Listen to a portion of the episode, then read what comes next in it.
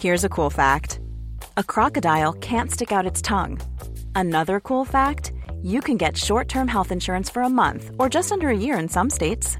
United Healthcare short term insurance plans are designed for people who are between jobs, coming off their parents' plan, or turning a side hustle into a full time gig. Underwritten by Golden Rule Insurance Company, they offer flexible, budget friendly coverage with access to a nationwide network of doctors and hospitals.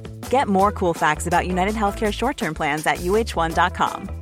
I'm Sandra, and I'm just the professional your small business was looking for. But you didn't hire me because you didn't use LinkedIn jobs. LinkedIn has professionals you can't find anywhere else, including those who aren't actively looking for a new job but might be open to the perfect role, like me. In a given month, over 70% of LinkedIn users don't visit other leading job sites. So if you're not looking on LinkedIn, you'll miss out on great candidates like Sandra. Start hiring professionals like a professional. Post your free job on linkedin.com/people today.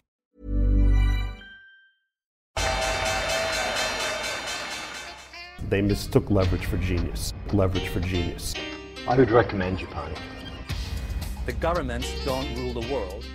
Goldman Sachs rules the world. Velkommen til episode 163 av podkasten 'Tid er penger', en podkast med Peter Warren. Jeg heter Sverre, er produsent, og i dag skal vi snakke om markedet. Det er jo et veldig voldsomt marked eh, både på slutten av forrige uke og starten av denne uka. Så det er også en god del negative nyheter. Så for å si det enkelt, hvis du vil ha gode nyheter, så tror jeg du må finne en annen plass. Altså, fordi at i dag er det mye, mye ting å sette um, finger på, dessverre. Så jeg tror bare vi går i gang. Ja, mandag klokka ti over ett. Og det har vært eh, noen begivenhetsrike timer på morgenen. Um, vi um, Eller gjennom helga, da. Så bitcoin-futuren, som da stengte på fredagen og åpna nå på mandagen, som da indikerer liksom hele helga for bitcoin, er ned 17,5 eh, Ethereum, så vidt jeg vet, er ned mer enn det mm. laveste nivået på, på lang, lang tid. Blitt fulgt i chatten. Bare i dag er den ned 15 så 1200 dollar. Eh, så har du en krypto som heter eh, Celsius, som er et såkalt Defi-produkt. Som uh, gjør at folk kan låne ut, bruke det som collateral til andre kryptoprosjekter. Og betale inntil 17% rente. De har nå stengt muligheten uh, for å uh, trekke ut Altså for å, for å cashe inn, da. Basically lagt ned. Og den har jo falt veldig mye i lang tid, og mange frykta at det skulle være en oppfølger til Luna, og det er den. På fredag satt USA høyeste bensinprisen noensinne, som i nasjonale gjennomsnittet var på fem dollar per gallon, altså det er nesten fire liter, da. Så. Eh, eh, Det er hetebølge i Spania med 47 grader enkelte steder, og i, eh, på vestkysten i USA. Og Lake Mead, den eh, innsjøen som sørger for vann for eh, store deler av vestkysten, og elektrisitet, ikke minst, til eh, til eh, hva det heter, eh, Hoover Dam, eh, er nå faller nå så fort at folk på YouTube bare drar ut med båtene sine, og hver gang så ser du sånn fem-ti meter lavere ned. Det er helt, helt vanvittig reduksjon. Og hetebølge nå. Den tørken som er på vestkysten i USA, er den verste på 1200 år der. Og inflasjonen er den verste på 40 år. Så det er mye som skjer på en gang. På fredag etter stengetid så annonserte Tesla at de skulle gjøre noe som er ganske uvanlig å gjøre i midt i en børskollaps. En tre for én aksjesplitt, samtidig som at den langvarige styremedlemmen Larry Ellison, som er nest største aksjonæren etter Elon Musk, eh, forlot styret. Eh, og jeg kan bare si, eh, bare går gjennom eh, Før Celsius la ned, så var det ned sånn typ 95-98 eh, som er tilsvaret Luna, da. Eh, skal vi se om det var mer som hadde skjedd. Det var alle mulige kryptoer stupa også, selvfølgelig. Um, spenningen mellom USA og Kina har økt ytterligere, og det har vært uttalelser fra uh, Kina som basically sier at Taiwan er liksom ei linje i sanda, og. Eh, Der har vel USA også bare for en uke eller to siden sagt at de vil forsvare forsvare eh, Kina, eh, unnskyld, Taiwan med våpenmakt. Så det er jeg enig i det. det. Det øker temperaturen. Uh, du har uh, Skal vi se, bare gå gjennom helga her. Um, du har nedtur da selvfølgelig på børsene i Europa. Oslo Børs uh, står ut som uh, en av taperne faktisk i Europa for en gangs skyld, men det er bred nedgang, 2-3% over hele linja. 57 måneder etter nedgangen i andre er jo liksom i hvert fall det jeg har Og det skrev jeg vel om i en blogg også. Er det som ofte har vært tilfellet med, med, med, Oslo Børs. I hvert fall i tilfelle 2008 og i tilfelle 2000. Det er også bare hint, og vi har jo en kilde på chatten som, som, jobber i Shanghai, som vi bruker som kilde når det er spørsmål om Kina. Og det er hint av bankrun i Kina i enkelte prov, provinsbanker. Eh, men det er flere ganger det har dukka opp på litt sånn uvanlige kilder, men når det gjelder bankruns og sånn, så kan det komme på uvanlige kilder. Så det er for noe å være obs på. Uh, spreaden mellom italienske og tyske statsobligasjoner breier seg ut, og det er jo en spread som mange følger. Gjør du følger du den? Ja, jeg har jo skrevet om den, og også og publisert det på Facebook-siden vår for, en, for, flere uker siden. Ja, nice. Uh, den vier seg ut nå, og det er jo signifikant uh, hvis man husker eurokrisa og diverse sånne problemer. Um, I tillegg så er det jo interessant å se Vi har jo valgt logoen til Tider penger litt med omhu, og nå begynner bitcoin å, å se ut som den følger den ganske godt, så jeg blir å legge det med i nyhetsbrevet. Uh, 60-40-porteføljen, den porteføljetesen som er grunnlaget for oljefondet, har det dårligste Altså året så langt vil være det dårligste året for 60-40 siden 1931. Mm. Eh, Walmart og eh, Home Depot og en rekke andre leverandører har enorme lager av varer som de ikke får solgt. Og så, eh, sist, men ikke minst, vil gratulere stortingsrepresentanter. Altså rett før vi starta sendinga, så stemte de gjennom at de skulle øke lønna til over én million. Ja. Så det var den gode nyheten? Det var det jeg hadde fått med meg nå. Ja, det, Siste var den gode nyheten. Det var en, en, ny, en, god nyhet til også. Det virker som at Støre i, eh, han befinner seg i, i, Finland, så vidt jeg forsto. Og da i møte med de andre nordiske nå har oppdaget at det er en voldsom, at det er en ganske kraftig inflasjon.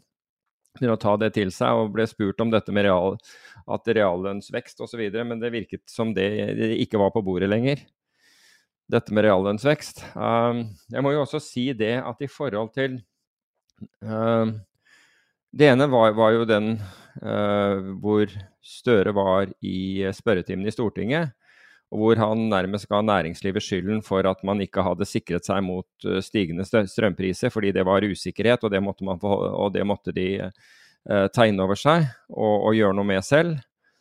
Men da Vedum svarte på, på Wolfgang Wie, vi har jo publisert det klippet med, med tillatelse fra, fra, Wolfgang.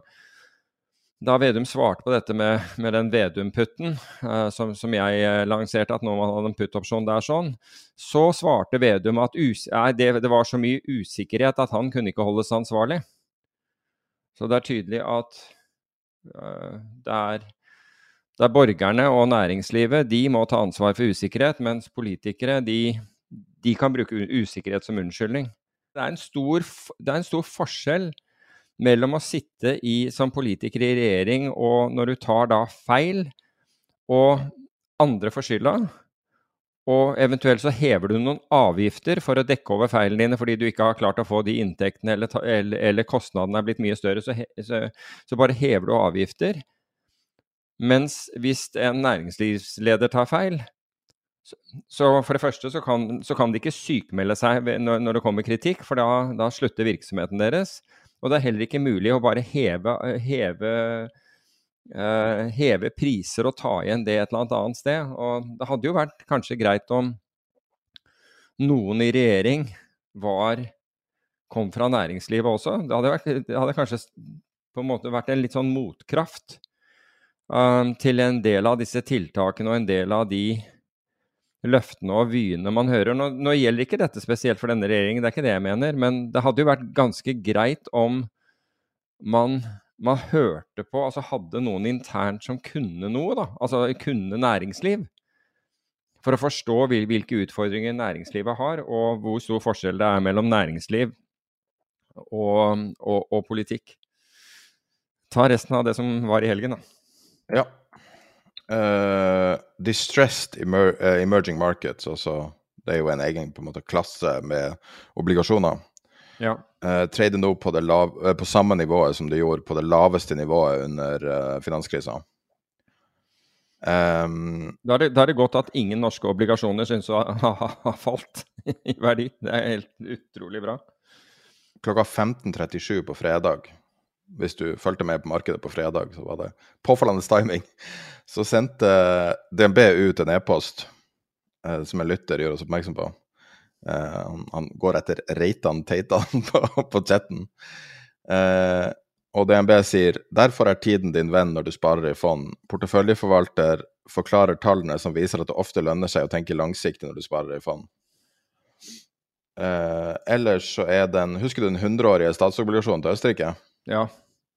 Har du fulgt med den i det siste? Ja, den, den har jo hatt et helt vold... Er jo ikke det ned 80% eller er det enda mer? Det er jo helt vanvittig fall på den. Den tredje på 10, der pari er 100. 100. Ja. Så uh, den må tidoble seg i verdi da, på 100 år. Den klarer sikkert det. Um, og så 17. juni, nå uh, hva det blir uh, fredag, så forfaller uh, 3200 milliarder dollar i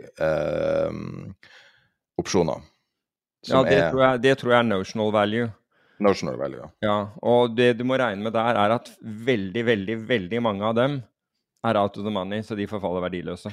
En ganske betydelig del er kåla og putta på SMP 500 på 1000. Ok. Og så er det på alle runde tall, så er det selvfølgelig pika. Det meste er jo, er jo rundt nivåene i dag.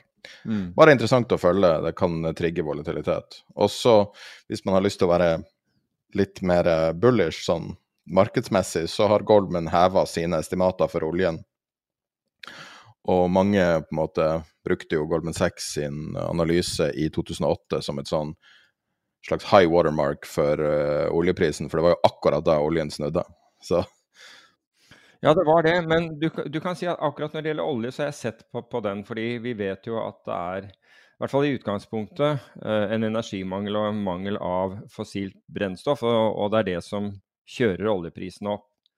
Og Jeg begynte å se på det der på fredag, fordi det som er, er at olje for levering i desember handler med en betydelig rabatt til olje i dag. Så du kan si hvis du, hvis du tror at prisen skal være den samme, så kan du kjøpe olje for levering altså i desember 11,5% under det oljeprisen er i øyeblikket. Så hvis du tror, bare tror at dette vil stå rolig, så tjener du 11,5% Og det er jo ikke så gærent på litt over seks måneder, vil jeg tro. Men usikkerheten er jo at oljen kanskje da øh, ikke er det, og, og, faller. Altså Stiger den, så tjener du enda mer. Bare så det er sagt. Men jeg så på en sånn enkel ting Um, fordi du, du traff noen i, i, forrige uke, og, og vedkommende og, og, du spurte liksom vedkommende hva, hva dette var en nordmann, hva, hva syns. Og så vidt jeg forsto, så var det bull, bull, bull, for nå kom Federal Reserve til å komme inn og kjøre opp markedet igjen. Jeg tror den, den i, utgangspunktet, men den kan vi snakke om etterpå, hvorfor jeg ikke tror Fed i utgangspunktet kommer til å, å, å gjøre det. Men ta f.eks. denne i, i olje, da. Så så jeg på hva koster det Altså, hvis, du, hvis oljen blir stående rolig eller stiger, så, så kan du tjene 200 ved å kjøpe en opsjonskombinasjon, en, en vertikalspredd. Altså du kjøper 115-streiken. Olje er ca. 120 dollar. Det er litt under nå, men den varierer rundt. 115-streiken, du er long på 115 og må gi fra deg den samme oljen på 120. Den får du for, for rundt i, i underkant av 1,60. Så 1,60 Hvis du betaler 1 dollar 60, så får du igjen 5 dollar. Så du får litt over 200% avkastning på pengene dine hvis oljeprisen står rolig eller stiger. Altså I forhold til det å begynne å kjøpe f.eks. oljeselskap, på disse nivåene. Eller andre ting som Altså hvis nå veksten i verden avtar, og, og ting begynner å falle, så vil det jo dra, fort dra med seg, akkurat som de gjorde 2000, etter 2008, dra med seg også eh, energiaksjer og børsen for øvrig. Så med en begrenset innsats så kan du gjøre det, altså og du begrenser tapet til innsatsen din. Du trenger ikke å tenke altså Hvis oljeprisen da, gud forby, skulle halvere seg, så har du da tapt 1,60 dollar per, per fat. Og sånne ting tenker jeg det der må være attraktivt for de Superattraktivt hvis du tror nå at Federal Reserve kommer inn, og det er ikke måte på. 200 herfra til eh, Og de forfaller for øvrig i november, for desemberkontrakten forfaller i november. Det er ikke gærent. Dette er ingen anbefaling, men, eh, men det er et alternativ til det der å bare å, å, kjøpe fordi du tror Federal Reserve kommer inn, eller fordi du tror at det blir så lite olje at prisen må opp. Så bare som et innspill. Eh, vi har fått noen spørsmål. Vi kan kanskje ta og gire litt om og stille spørsmål som du kan svare på? Ja, kom igjen. Uh, jeg vet ikke om det har stått noe i media, eller et eller annet, men det har fått flere spørsmål om eurodollar. Uh, og på, helt på, det er jo noe som på en måte ble snakka mer om i gamle dager. Men kan du snakke litt om oljedollar og, nei, om eurodollar og, og hvorfor det er uh, hvorfor det er interessant? Ja, fordi jeg går ut fra da at man ikke viser til euro mot dollar, men den men den, det vi kaller eurodollar, som er en rente. Det stemmer, ikke sant? Altså, Eurodollar er jo egentlig dollar holdt av amerikanske banker i Europa. Det er liksom utgangspunktet for den. Og det fins da et ekstremt likvid eh, eh, future-marked, altså terminmarked, på disse rentene. Det er mye mer likvid enn SMP 500, bare for å si det på den måten. Alle banker, alle store institusjoner bruker dette for å enten for å sikre seg mot, mot rentebevegelser, eller fordi de har en sterk mening om hvor renten skal. Eller i kombinasjon med andre ting. Uh, så hvis vi går tilbake igjen til, den, uh, til det at Federal Reserve kommer inn, så er det jo Vil du få mye mer avkastning gjennom å gjøre noe på, i euro-dollar markedet, altså denne future-kontrakten eh, på euro-dollar som handles på Chicago Mercantile, men som fins på de fleste, eh, de fleste handelssystemer av, av, en viss størrelse, kan du tjene mye mer penger der, altså prosentvis avkastning, enn det du vil f.eks. gjøre i aksjer, med mindre du fant akkurat den aksjen som gikk mest. For her kan du også bruke opsjoner og gjøre, gjøre, gjøre mange ting rundt det. Men denne euro-dollar-kontrakten, altså desember-kontrakten for euro-dollar, prises rundt var det, ja, rett i underkant av 96,5. Jeg tror den er litt under det. Og, og måten du, du, omsetter det til rente på, er, er, å ta 100 minus det tallet. Så hvis den var 96,5, så er 100 minus det tallet. Altså det, det vil si at, at markedet forventer en, en rente på 3,5% i desember. Nå er denne euro-dollaren altså det, er, det er hva vi kaller time deposits. Det er hvis du hvis du skal uh, deponere Hva heter det for noe? Altså ha penger på, um, på konto på hva, hva, heter disse litt lengre kontraktene du har? Uh, nå står det stille for meg. Altså Du kan enten ha penger i banken til den renten som er, eller du kan få en fastrente over, over en tid. Så det er en form for fastrentekontrakt. Så det er, det, det er da Hvis desemberkontrakten handler på 3,5, så er det 3,5% du vil da få i rente de tre, for de neste tre månedene. Så hvis du er uenig i det, hvis du tror at f.eks. at nei uh, nå, Hvis du skal ha svartsynet og tro at nå blir det natt, så nattsvart at Federal Reserve til slutt må gripe inn og gjøre noe, så, så, så, vil, du, så vil, du, sannsynligvis si at vent, vent, nå litt, hvis de gjør det, så kommer ikke, den, til kommer ikke, rente, kommer ikke den amerikanske renten til å bli satt opp til 3,5% Den kommer til å være mye mindre. Og la oss si at du trodde at 2% var taket, da. Da kunne du f.eks. kjøpe, kjøpe um, Altså gjøre, gjøre 97,5 altså Her finnes det opsjoner som gir anledning da, da til å f.eks. kjøpe 97,5 call spread, 97,5-98 call spread, altså uh, opsjonsspread. Du kan gjøre alle mulige ting med disse rentene. Du kan, du kan, se på rentekurven også. Apropos rentekurven. 2,10 gikk negativ en liten stund i dag. Jeg så det. Um, så det er andre gang 2.10 har vært negativ. Jeg mener jo at det holder med én gang for, for, for uh, signalet, men det, er en, um, det er en annen sak. Så, det kan være verdt å presisere hva det betyr. Det er en klassisk resesjonsvarsel, altså at uh, ting går feil vei når den Økonomisk nedgang, ja. Altså en, ja, når den korte renta er høyere enn den lange renta. Ja, og det skal visstnok ha vært altså 100% altså Det har ikke vært et tilfelle hvor den, kur hvor den kurven har invertert. Som, som, du nettopp påpekte, altså hvor uh, korte renter er, er høyere enn lange, lange, renter. Hvor det ikke har skjedd. Men apropos, det skjedde for en tid. Apropos det, vi, vi missa jo det viktigste. Det er negativ vekst i Norge.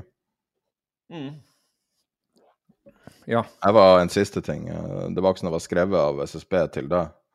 Skal vi se hva det sto her. Eh, et sekund. Jeg glemte den siste bearish-nyheten. Beklager. Um, jeg tror folk de, vil høre noe positivt, jeg nå. de volatile elektrisitetsnæringene sto for om lag halve nedgangen. Hva sier du at den De volatile elektrisitetsnæringene sto for omtrent halve nedgangen. Ok. Men da har jeg en positiv en. Så du hva, hva strømprisen var her i NO, NO1 nå i, i, går? Nei. Den kom ned i fire øre. Jeg feiret det.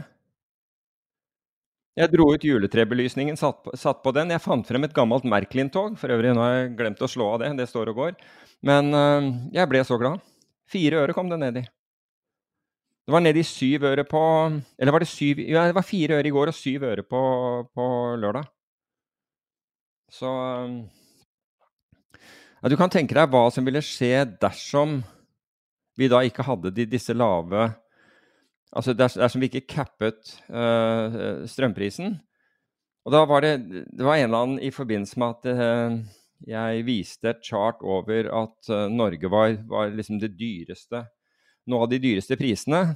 Og da var det en som var helt sånn irritert hvorfor vi skulle ha billigere priser enn andre. Det var helt urettferdig at Norge hadde billigere priser for strøm enn f.eks. Tyskland. Og hvis du følger den, da, og jeg tenkte at hvis du følger den, da burde jo vi ha biler på samme pris, pris som Tyskland. Vi burde, burde få bensin til samme pris som tyskerne. Altså hvorfor Jeg, jeg, jeg skjønner ikke det der, jeg. Altså endelig har Norge Norge har en naturressurs som riktignok politikerne ga, ga, bort ved å kable dette ut av landet. Fantastisk. Um, men hvorfor ikke Norge skulle ha en billig, billig ressurs som da hadde ressursen, skulle ha den billigere?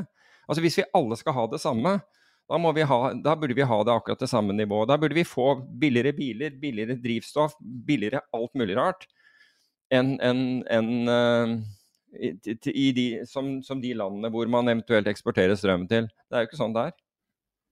Lavere lønn også? Ja, både Ja. Nå må ja. politikerne under en mill. Jeg vet ikke om de er villige til det. Hvis, annet, hvis, hvis du får ned prisen på alt mulig rundt her, hvorfor ikke? Det er alltid artig å se på Jeg har ikke sett på bilder fra stortingssalen i dag, men det er veldig artig å se. Det gjelder alle land. Når, eh, for det er jo ofte veldig tomt når de skal stemme om ting og diskutere ting, og sånn, så er det veldig få som møter. Men det er én gang alle alltid møter, og det er når de skal snakke om egen lønn. Ja. Men skal vi gå videre til neste spørsmål? Ja, hvis jeg fikk Ble det, ble det godt nok forklart hva euro-dollar er, så kan vi gjøre det. Jeg syns det. Uh, må Japan ta regninga for 80-tallets galskap? Har ikke, har, har ikke japanerne egentlig tatt den regninga, eller er ikke regninga hos dem? Eh, finnes, vi hadde en oversikt vi sendte ut i et nyhetsbrev for noen måneder siden, som viste kjøpekrafta eh, til japanere fra 80-tallet til nå, og den var vel redusert med 90 tror jeg.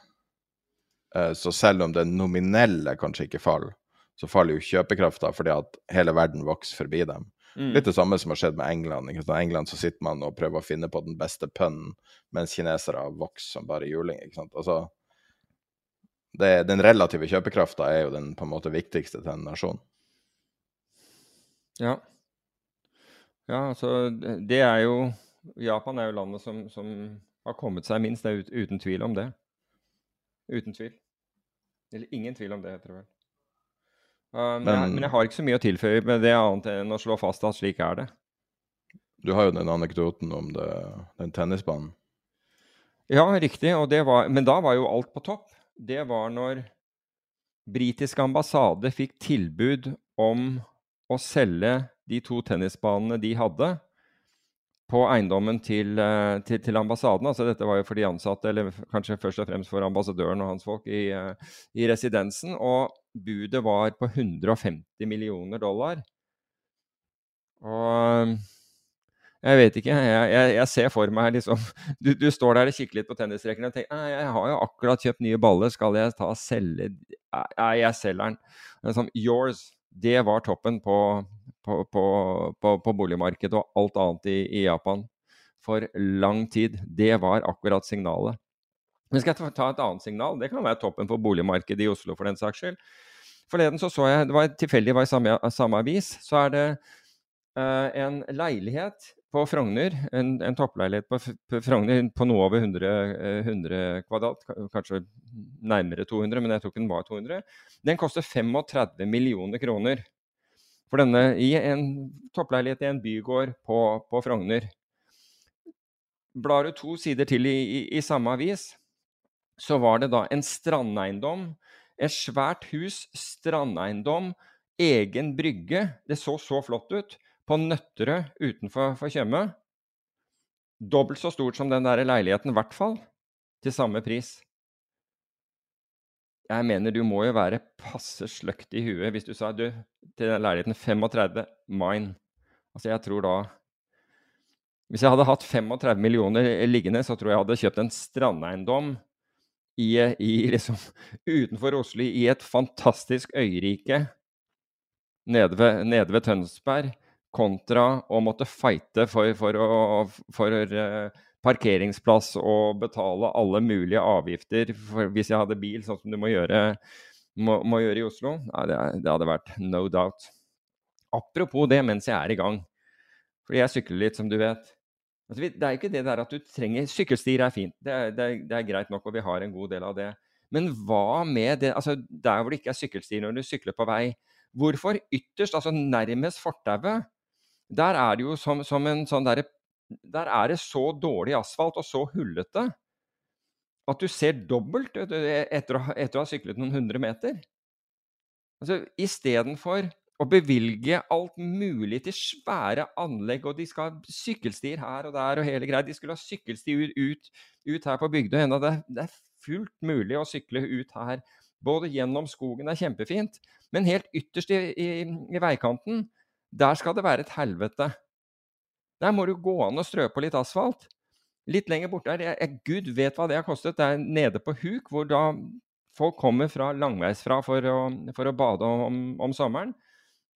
Så har de nå fjernet en tredjedel av parkeringsplassene fordi bussen skulle ha eh, for, for, at man skulle bygge ut snuplass for bussen. Det har vært snuplass der i alle år. Bussen har klart å snu der i alle år.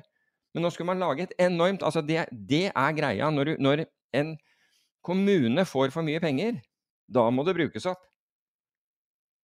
Det er jo helt merkelig. Men mens du kunne bare asfaltert inntil, inntil uh, Altså på, på, veikanten, så hadde alle syklister liksom hatt det egentlig ganske ålreit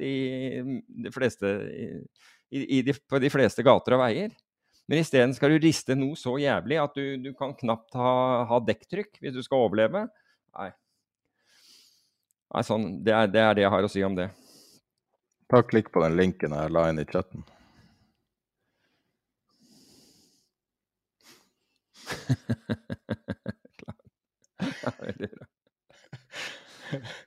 det er det legendariske Simpson-bildet. Ja. Old man yells at cloud. ja, men det er helt sant. Altså. Men det, er så mye Man gjør så mye bra, men så kaster man bort så enormt med penger. Istedenfor å gjøre enkle ting som ville gjort liksom, ting mye mer smooth og, og, og greit. Altså, det, er jo en, det er også en årsak man snakker om det, at syklister blir skadet i trafikken. Og som jeg sa, mye av det er syklistenes feil. Men når syklistene ikke kan ligge helt til høyre i veibanen fordi det er svære hull der, så ender det jo med at syklistene bruker en del mer av veibanen enn, en det man trenger. Og da kommer du fort i, i konflikt med, med, med, med biltrafikken. Enkel sak. Asfalter helt inntil, inntil fortauet. Job done. Skal vi ta neste spørsmål? Ja.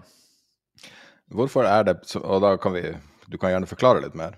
Hvorfor er det så mange som er bekymret for spredden mellom italienske og tyske statsobligasjoner? Ja, det er særlig den tiårige spredden de fleste av, av, oss følger med på. Da. Og jeg har, jeg har skrevet en uh, jeg har skrevet innlegg om dette på Facebook-gruppen vår, og det er noen uker siden. og Den fins der, men jo, den fins også på arket. Linken til den fins på, på, dette arket, så det kan jo lenkes i det, i det nyhetsbrevet som går ut sammen med, med podkasten. Men basically så er det slik at Italia er ikke så økonomisk robust som Tyskland, men begge er innenfor EU. Og Italia ville aldri ha lån, kunne låne så billig som det gjør, og har gjort, hadde det ikke vært for at man ser på det nesten som tysk, øh, tysk, tysk kredittrating. Altså man, man, man, tenker på Italia altså som det er like bra som Tyskland pga. EU, og dermed så er du villig til å låne Italia penger mye billigere enn altså Du kan tenke deg at man, man ser på det slik at Tyskland på en, må, på en, måte er en form for, eller EU er en form for garantist for Italia. Og følgelig, når du får da bedre betalt for å låne italienerne penger, så tenker du ha-ha, jeg får bedre betalt for, for den samme risikoen. Det er, det er, på en måte utgangspunktet. Slik at når og jeg, jeg, har påpekt dette, dette tidligere, når, når, den spredden kom veldig langt inn, at det er noe man skal følge med på. fordi når det begynner å blåse opp, så, er, så, så begynner uh, investorene, og, de, og, i dette tilfellet långiverne, å tenke litt annerledes og tenke at hei, kanskje noe skjer nå. Og det kan slå, slå sprekker, slik at da vil jeg ha bedre betalt for Italia. Da er ikke, da er ikke alt uh, rose lenger. Da ønsker jeg litt bedre betalt. Og det som har skjedd med Italia, er jo at den spredden har mer enn doblet. Så nå betaler italienerne mer det dobbelte av, av, uh, av, av Tyskland for å låne ti års penger. Slik at den spredden er blitt en sånn barometer for risiko. Når den spredden øker, så betyr det at markedet anser at risikoen uh, generelt, kan det være, eller innenfor, innenfor EU, er, er, elevert, altså er blitt høyere. Og det er akkurat det vi ser nå. Til spørsmål. Uh, det er jo mange ting som uh, skjer i, uh, den, i NBIM, populært kalt oljefondet. blant annet har de ansatt en del nye forvaltere. Og lønna til de nye forvalterne er over 10 millioner sånn, Som et apropos er lønna til Nicolai Tangen på litt over seks millioner. Mm. Det er mye for en podcaster, men ikke så mye for en forvalter.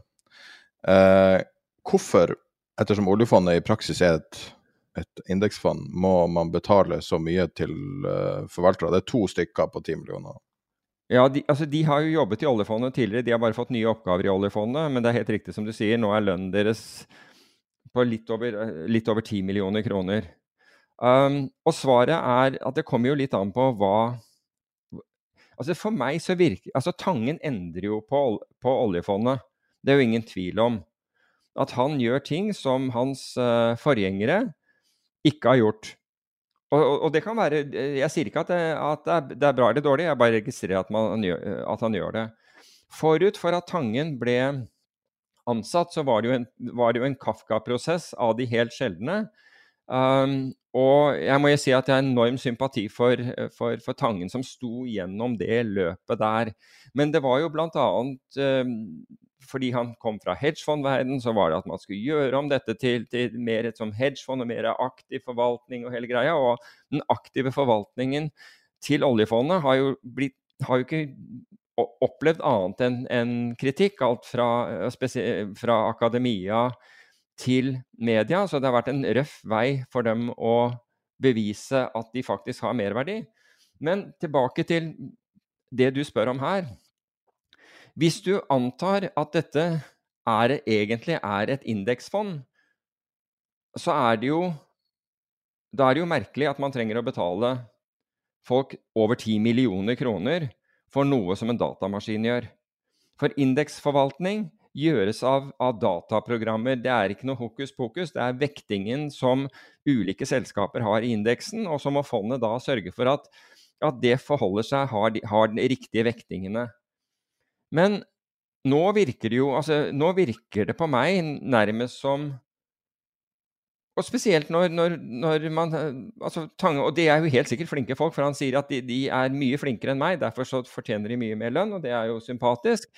Men i utgangspunktet så, Det jeg syns er rart, er at ingen av de som var hyperkritiske til Tangen i utgangspunktet, og kommisjoner og, og alt det som foregikk rundt, rundt der, og råd, ikke setter seg opp i stolen når, når, når, du plutselig begynner å betale forvaltere. For altså, det, det det indikerer for meg, er jo at her går man mot mer aktiv forvaltning.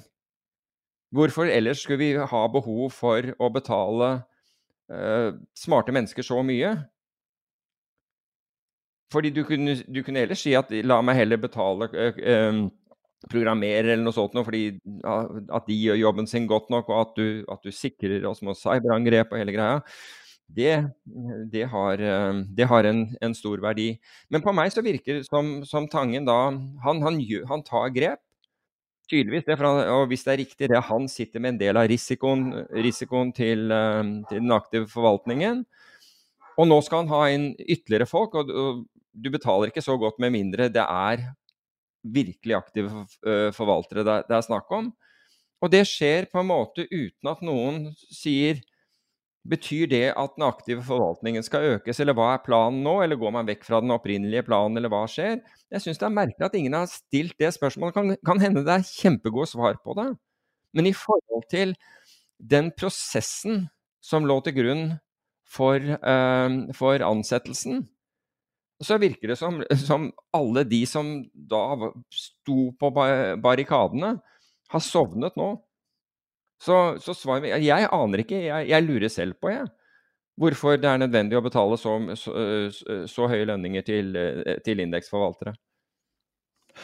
Ikke det at Berkshire Hathaway er et indeksfond, men de er jo det, eh, investeringsselskapet til eh, Warren Buffett, men de er jo kjent for å ha veldig få ansatte i ledelsen, eller dem som tar avgjørelsen.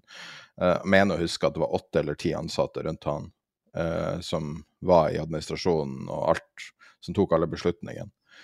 Uh, men så er det jo også sånn, sånn som uh, altså Hvis vi snakker om podcasting Joe Rogan, som er den største podcasteren, har vel bare tre ansatte. Så, um, mens oljefondet har 520. Ja. Siden han er jo, han er jo delvis podcaster nå, ja. ja. Nei, jeg, jeg vet ikke. Um, altså, jeg, jeg, det er flere som har spurt om dette, så jeg skjønner på en måte problemstillingen. Men, men jeg syns som sagt at det er merkelig at dette ikke har blitt adressert av, uh, av, av de som var åpenbare kritikere til at, til at, Tangen skulle komme inn. At ikke de sier ja, hva er det som skjer? Er, er det det vi fryktet som skjer, eller, eller, er dette Men det kan, altså, Tangen har sikkert gode forklaringer på det, men det har vært ålreit å høre hva det var. Ja. Nei, eh, han var jo veldig aktiv i ansettelsen av eh, sin tidligere Det som han trodde skulle bli sin tidligere sjef også, i, i henhold til Aftenposten, så Ja, hvem tenker du på da? Stoltenberg. Å oh, ja, sånn ja. Ja, ja. Jeg, jeg, tror ikke at han, han, Jeg tror ikke Tangen vil, vil, vil, vil, selv si at han var aktiv i, i ansettelsen der, men Nei, jeg bare sier hva jeg leste i Aftenposten. Ja, det, det, ble, det, ble, debattert ved et par middager eller et eller annet sånt, tror jeg var, uh, var forklaringen. Det kom opp under en middagssamtale. Jeg har aldri hatt en jobb der jeg var i en sånn situasjon, i hvert fall. Men uh, uansett, skal vi ta neste spørsmål? Ja, kom igjen.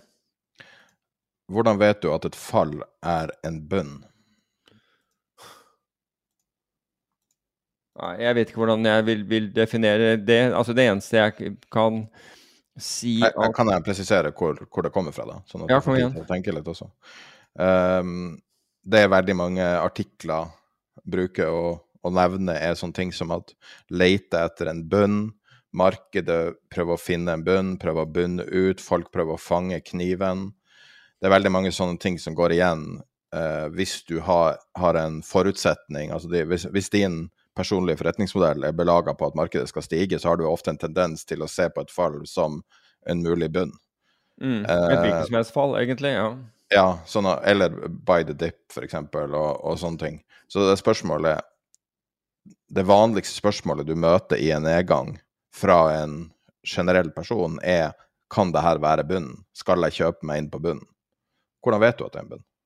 Du vet ikke det før den er ferdig, men kan, det, det fins noen sånn Det fins jo noen, øh, ting, noen ting som går igjen, og det, og det, er jo gjerne at folk gir opp. Altså at markedet egentlig har gitt opp. Og, og da kan du si at er, da er det jo ikke sånn at folk står Å, er dette bunnen, er dette bunnen, er dette bunnen? Tvert imot, de har jo gitt opp. Altså, det er jo akkurat det. Du har den der følelsen at dette, det, dette går aldri bra. Det kommer aldri opp igjen. Det er når du har den følelsen, antageligvis, at du, at du nærmer deg bunnen. Det er ikke når du, når du sitrer etter å kjøpe. Da, da, er det veldig liten sannsynlighet, vil jeg si, for at, eh, for at det er, er bunnen du befinner deg på. Hva med sånne her overskrifter? SCP 500 og Nasdaq 100 post biggest weekly drop since January 21st, det var forrige uke. Altså, jeg, jeg, forstår ikke hvorfor det Altså, det er et faktum. Um, og hvorfor det skulle være i bunnen. Altså, du må jo se på en del andre ting da, altså, opp, oppi det hele. Er, er aksjer billig i forhold til uh, i, i, i, forhold til inntjening, i forhold til prisbok, i forhold til prissalg? Ingen av de metrikene der er spesielt billige. Um, og, når for, og, når man snakker om da du, du, du begynte med å snakke om, om, om kryptovaluta, alle, altså folk blir fortsatt forferdet over f.eks. For at bitcoin kan falle hva du sa, 15% eller, eller hva det er. Men du, altså du går fra På den ene siden så går, går, du fra de mest stabile aksjene med høy inntjening, betaler dividende hvert år og har, uh, har solid økonomi, helt ut på skalaen til de teknologiaksjene, de som bare hadde fremtidsutsikter og, og hadde veldig liten kapitalbase. De er, altså At sånne aksjer med, med full av gjeld og veldig lite, eh, lite, substans, at de kan bevege seg voldsomt. Det må man regne med. Men volatilitet virker til nedsiden òg. Og den samme volatiliteten som vi har sett til oppsiden, og vi, vi, vi har helt sikkert sett 10 og 15% oppgangsdager i, eh, i, i, bitcoin, ikke mange av dem, eh, og Ethereum for den saks skyld. Og så får man det til nedsiden, og så blir folk forferdet. Men det, altså, det er jo det volatilitet er. Det er jo 'deviation from the mean', ikke sant? Altså avvik fra, fra, fra, uh, fra, fra liksom sin, sin, gjennomsnittskurs. Så det at folk blir, blir, så forferdet over at det beveger seg Altså at det som beveget seg kraftig oppover, nå beveger seg kraftig nedover eh, mener, da, da, er det noe ved, ved, fysikken og matematikken du ikke har forstått.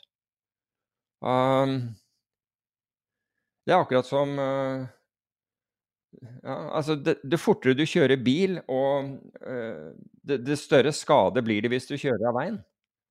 Akkurat det samme her. Du, altså hvis du setter deg i en racerbil, så går det apropos racerbil. Du står jo sikkert Dennis Hauger, det må du ha sett, i, uh, jeg med i går. Ja, fantastisk. Ja, helt rått. Tenk på at, at jeg kjørte gokart med han på, på Rudskogen på mandag, og på, på søndag så, så vinner han Formel 2-løpet i Baku. Jeg ble nesten rørt, jeg. Jeg syns det var helt fantastisk.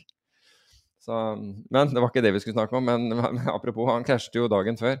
Så Men eh, Men det er, noe, det er noe der hvor det virker som folk ikke forstår det er Å hive en sprettball i bakken, den kommer jo fort opp igjen.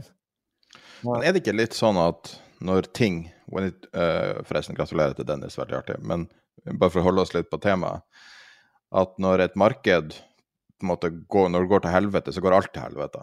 Bare for å ta Jeg glemte flere ting. Det er mer bearish ting som, som har skjedd. Det ligger an for å bli den verste hvetehøstinga i USA mm. på 60 år. Samtidig som at eh, verdens to største hveteprodusenter og eksportører, Russland og, og, Ukraina, i praksis er offline. Um, 1000 utenlandske selskaper har forlatt Russland eh, salg av flytdata til eh, meglerhus som eh, er en betydelig inntektsfaktor for ikke bare Robin Hood, men også Schwab og alle de andre selger jo masse mange, Mange flere. Til og med bankene. Og det kanskje er en, altså Vi har jo hørt eh, hint om at det kanskje skjer i Norge også, og man skulle tro at det samme det forbudet det. kommer til Norge hvis det skjer i USA. Um, når du ser på utviklinga av hva USA må betale for å refinansiere gjelda si, mm La meg bare ta, ta de Ja, men Det er ikke problemet, hvis du tenker på USA. USA er jo Jeg skal ikke si at de er i en ideell posisjon nå, men det er helt riktig. Nå må de betale mer for, for, for gjelda. Men inflasjonen er jo vesentlig høyere, så inflasjonen spiser jo opp den poeng. Hvis jeg finansierer meg til 3% i året, og, og inflasjonen er 8,6, så, så, så, tjener jeg 5,6% i året. ikke sant? Så... Ikke det litt som at du har rabies, og så får du og så får du eh, Hva det heter det der eh, Hva det heter når du blir bitt av mygg? Så du får så mye feber. For det, jeg tror det går an å bli kurert av rabies hvis du får den der forferdelige Hva det heter for noe? Det som dreper mest mennesker. Og malaria? Ja, hvis du mm. får malaria og har rabies, så kan det kurere, kurere rabies. En eller annen sånn sykdom fordi at du får så høy feber. ikke sant? Altså, det er jo fortsatt en fryktelig ubehagelig prosess. Men i Norge var det jo én stor nyhet i forrige uke som er veldig skremmende.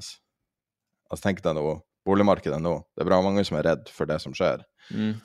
Og så kommer det eh, først melding om at eh, Finanstilsynet er eh, bekymra for boligprisene og advarer i en rapport.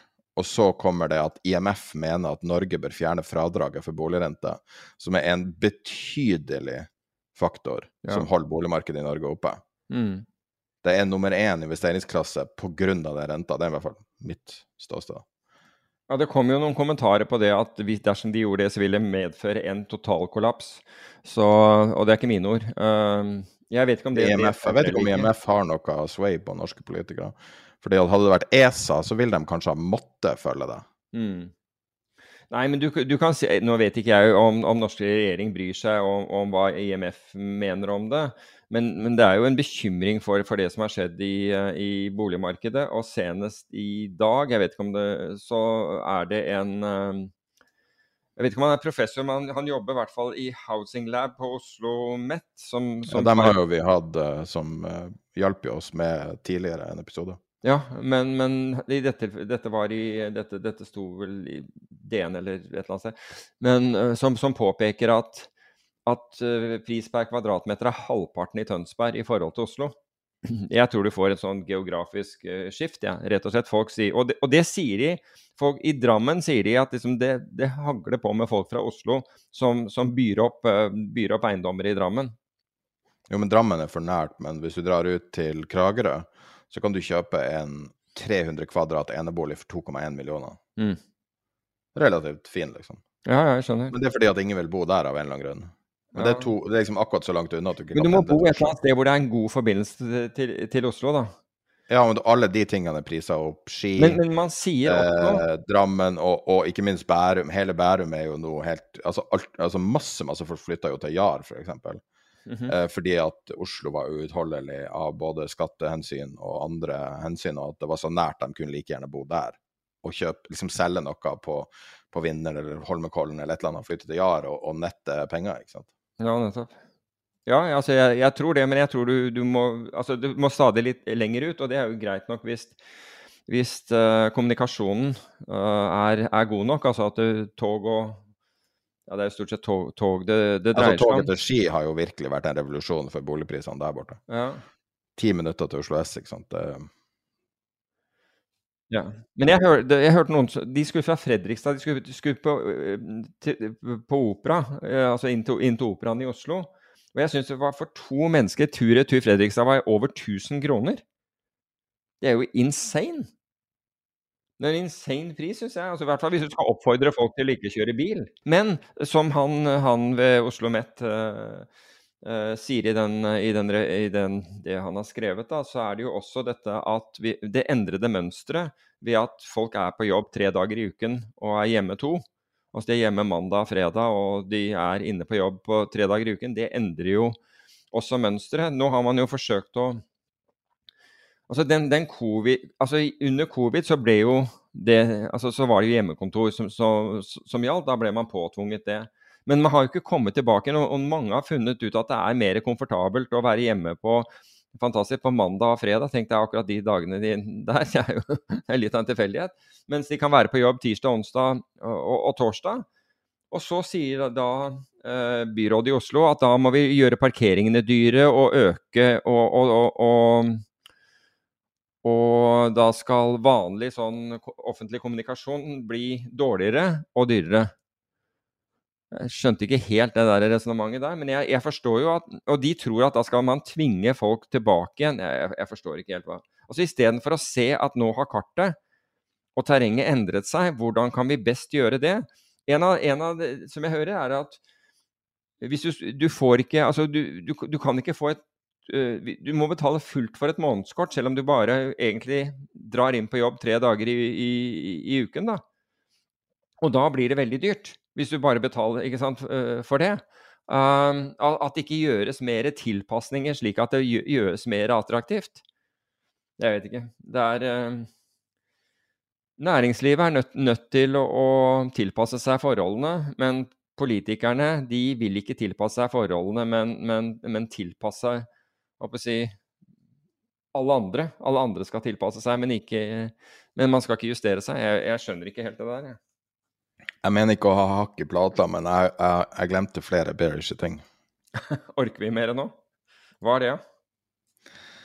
Um, du vet at det har vært en sånn um, um, Hva man skal kalle det? En sånn tutology på engelsk, altså sånn sannhet, på en måte. Har vært at når det går dårlig for en politiker, så vil de, amerikansk politiker, så vil de invadere. Fordi ja. at krig er bra for um, populariteten. Nå nærmer vi oss gjenvalg i USA. USA har vært veldig hissig i dealinga med Russland og Ukraina hele veien, egentlig. Og vært uvanlig frampå tåballene og yppa fram. Nesten man skulle tro at de ønsker krig, hvis man, hvis man er en skeptiker, da. Og hvis du ser på oppslutninga til Biden eh, tre-fire måneder før valget, altså i mellomvalget, så er den nå på pari med det om mer eller mindre med det laveste Trump hadde.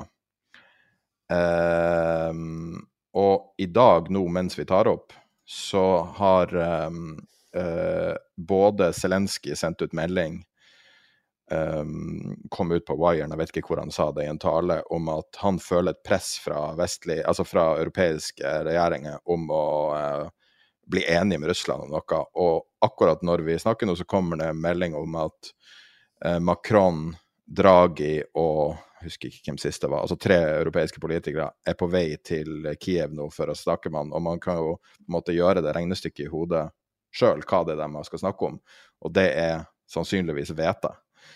Og øh, øh, kanskje litt olje også. Jeg tror det var i slutten av uken eller neste uke de skulle over dit, ja. Okay. Ja, altså, men altså de Uh, nå finner jeg ikke det, det ut, men, men altså, du kan sette alle de her tingene sammen. At USA ønsker krig, kanskje og at Europa ikke ønsker krig, kanskje. USA har nok hvete til seg sjøl, men Europa har kanskje ikke det. Og Europa har ikke nok energi. Um, så kanskje, kanskje de har samtaler på bakrommet som man ikke vet om. Um, og så har du talerøret til um, den uh, kinesiske regjeringa, han, han, som heter Hu Xin. Uh, jeg uttaler sikkert helt feil, som er en redaktør i, um, i en avis, og han er ansett for å være talerøret til Xi Jinping. Um, og han sier hvis USA advances on the Taiwan Strait to separate Taiwan from, uh, from China, the end will definitely be war. One of the purposes of China speeding up nuclear deterrence build-up is for that day. Så han basically rett ut truer med atomkrig, hvis ikke det var ille nok. Og så apropos eh, millionlønninger til politikere og høye strømregninger osv. Så, sendte jo PST ut en melding i, uh, uh, i forrige uke om at de registrerer uh, at aggresjonen, både den trusselmessige og også ordlyden i spesielt digital kommunikasjon, tilsier at det er høyere risiko for oppfordringer, eller for vold mot myndighetspersoner og myndigheter generelt og at de ser på det altså, um, altså De kaller det nesten som en, en terrortrussel. Kom det etter at den der, en, en sånn uh, pressemelding om at, uh, at handlekurven din kommer til å bli 10% dyrere i, i juli, kom ut? For det er vel bare litt over en uke siden eller noe sånt, hvor jeg så, hvor jeg så en sånn newsletter. Det var fredag nå, sist, siste fredag, så ja. Ok, så um, men, men dette er jo liksom Arab Spring eh, dratt opp til Norge. Altså Jeg tror ikke vi får Arab Spring akkurat i, i Norge, men, men folk begynner jo å bli frustrert og forbanna. Og, og spesielt blir man forbannet når, når det ikke virker som, som det er noen på dekk mens dette skjer. Det bare snakkes bort. Det er ikke noe rart da at folk, folk blir oppgitt. Men jeg har én god og en dårlig nyhet om inflasjon i USA. Hvordan vil du ha først? Jeg tror jeg tar den gode. Inflasjon på sprit faller. Mm. Den er nesten flat. Ok, det, det vil jeg ta som ja, det, det er jo heldig for de som trenger å, å på en måte dempe smerten. Ja, Vil du ha den dårlige? ja kom igjen. Matinflasjonen er på det høyeste nivået på 43 år. Ja. Men sånn kommer jo aldri til Norge, ifølge Vedum. Det er jo ikke noe problem. Var det ikke 4 inflasjon, da? Så det må jo ha vært noe galt med det siste tallet vi fikk på 5,7. Det er jo En til dårlig nyhet. Husker du 75 basispunkter? Ja. USA har jo et uhyre viktig eh, sentralbankmøte denne uka. Mm. Og Barclays sier 75 basispunkter er det de forventer. ja. Det som Powell eksplisitt sa var av bordet. Ja, nettopp. Men, men greia er at du løser Altså, jeg ser jo ikke at du løser en supply Altså, når, når, det, er, når det er supply constraints, altså det er tilbudssiden som er mangelfull, så løser jo ikke det med å sette opp renten. Altså, du kan sette opp renten også, Altså, hvis, hvis det var full tilbudsside, og konsumet gikk av, av skaftet, da løser du det med høyere rente. Men du løser jo ikke problemet med å øke rentene her. Det blir jo ikke bedre av det. Det blir tvert imot, det blir verre. Så Og det gjelder jo, det gjelder jo for så vidt Norge også. Men hvis du Hvis liksom Hvis eh, målsettingen din er å trekke inn ytterligere likviditet, altså ut av systemet ta, ta, Apropos Hvis jeg kan bare gå tilbake til det jeg sa, sa hvorfor jeg ikke tror sentralbanken er i ferd med å intervenere på noen som helst måte i USA til fordel for, for aksjemarkedet og stimulere, så er det jo nettopp reverse repo, som vi har snakket om tidligere. Den er, det er skyhøyt volum. Det er volum way, way, way over det høyeste volumet vi så tidligere. At de tar inn likviditet. Så det er absolutt ingen tegn på det motsatte her, bare så det er helt klart. Så de som er bull, bull, bull, nå kommer Fed, og nå Det vi lærte med FOMC, var jo nettopp at det, det han kalte det da, var jo det at det var et kunstig etterspørsel, og det sier jo akkurat det du sier nå. Ja. Så, så problemet, dette problemet løses ikke ved at man, man, man kjører opp renter. Det, altså det, alt du oppnår da, er jo at industrien, altså at, eh, at, du, at produksjon og alt mulig og økonomisk aktivitet senkes. Og hvis den senkes samtidig med at inflasjonen går opp, da har du stagflasjon. Det er ingen tvil om. Bare så det er sagt. Jeg har én siste bearish ting. Å nei, enda mer. Det er en kar som eh, Det som er problemet med folk som er veldig high-tech, er at de er high-tech også i nedgangstider. Og det er en kar som har laga en layoff tracker. Jeg blir å legge det med i nyhetsbrevet. Så du kan følge i sanntid oppsigelser i oppstartsfirma, altså alle som ikke børsnoterte firma. Og så langt har jeg registrert 785 startups som har uh, sagt opp folk, og det er 132 000 stillinger. Å, wow. Ja, det var voldsomt.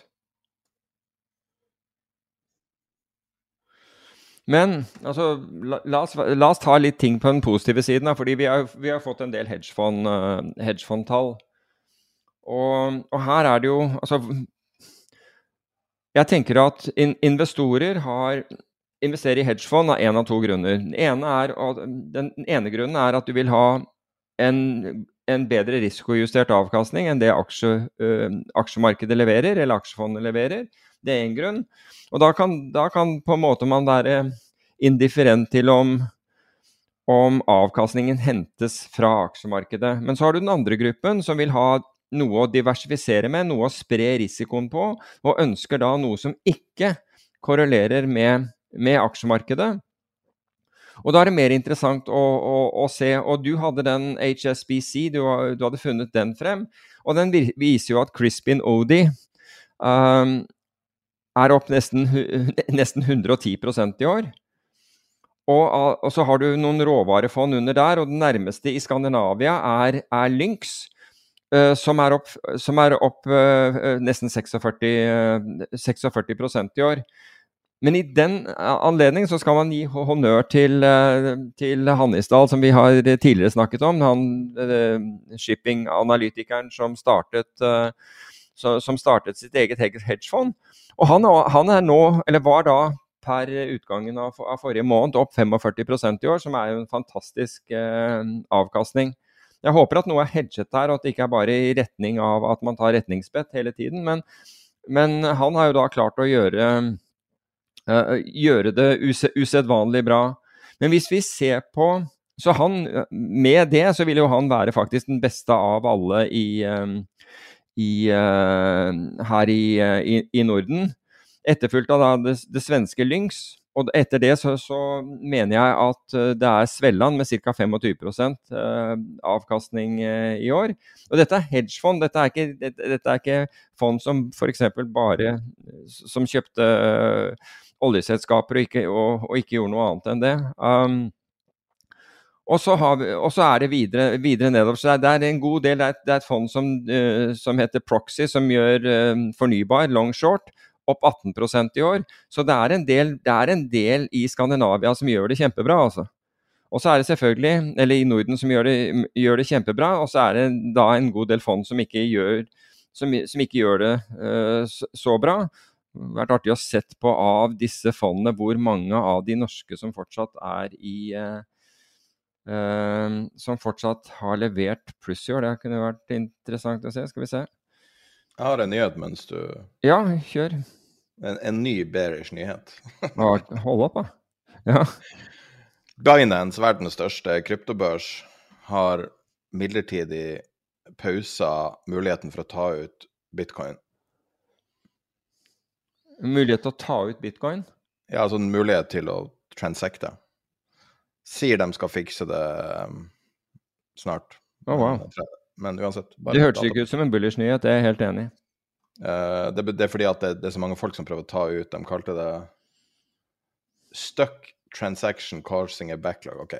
Mm. Så kan være teknisk årsak. Men Tingen er at det skal ikke så veldig mye negativitet til når, når bitcoin har falt 21 siden uh, fredagen, eller starten på fredagen. Um, skal det ikke så veldig mye til for at folk blir nervøse. Så man må være litt forsiktig med kommunikasjonen og hva man gjør på sånne her dager. Ja, ja, absolutt. Jo, altså For bitcoin så er jo det her basically Black Monday.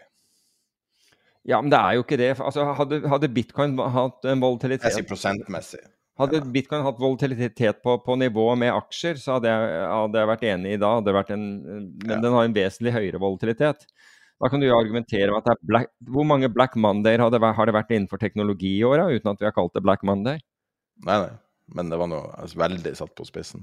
Men husker du vi snakka om uh, muligheten for å bruke puts i microstrategy som hedge for mm. bitcoin? Ja siden da, siden vi snakka om det, tror jeg den er ca. 80% så det må jo ha vært en uh, jeg, jeg, Det er veldig vanskelig å gå tilbake og se hvordan sånn uh, strategi ville ha performa, men jeg skulle tro at det var en bra hedge. Ja, er du gæren.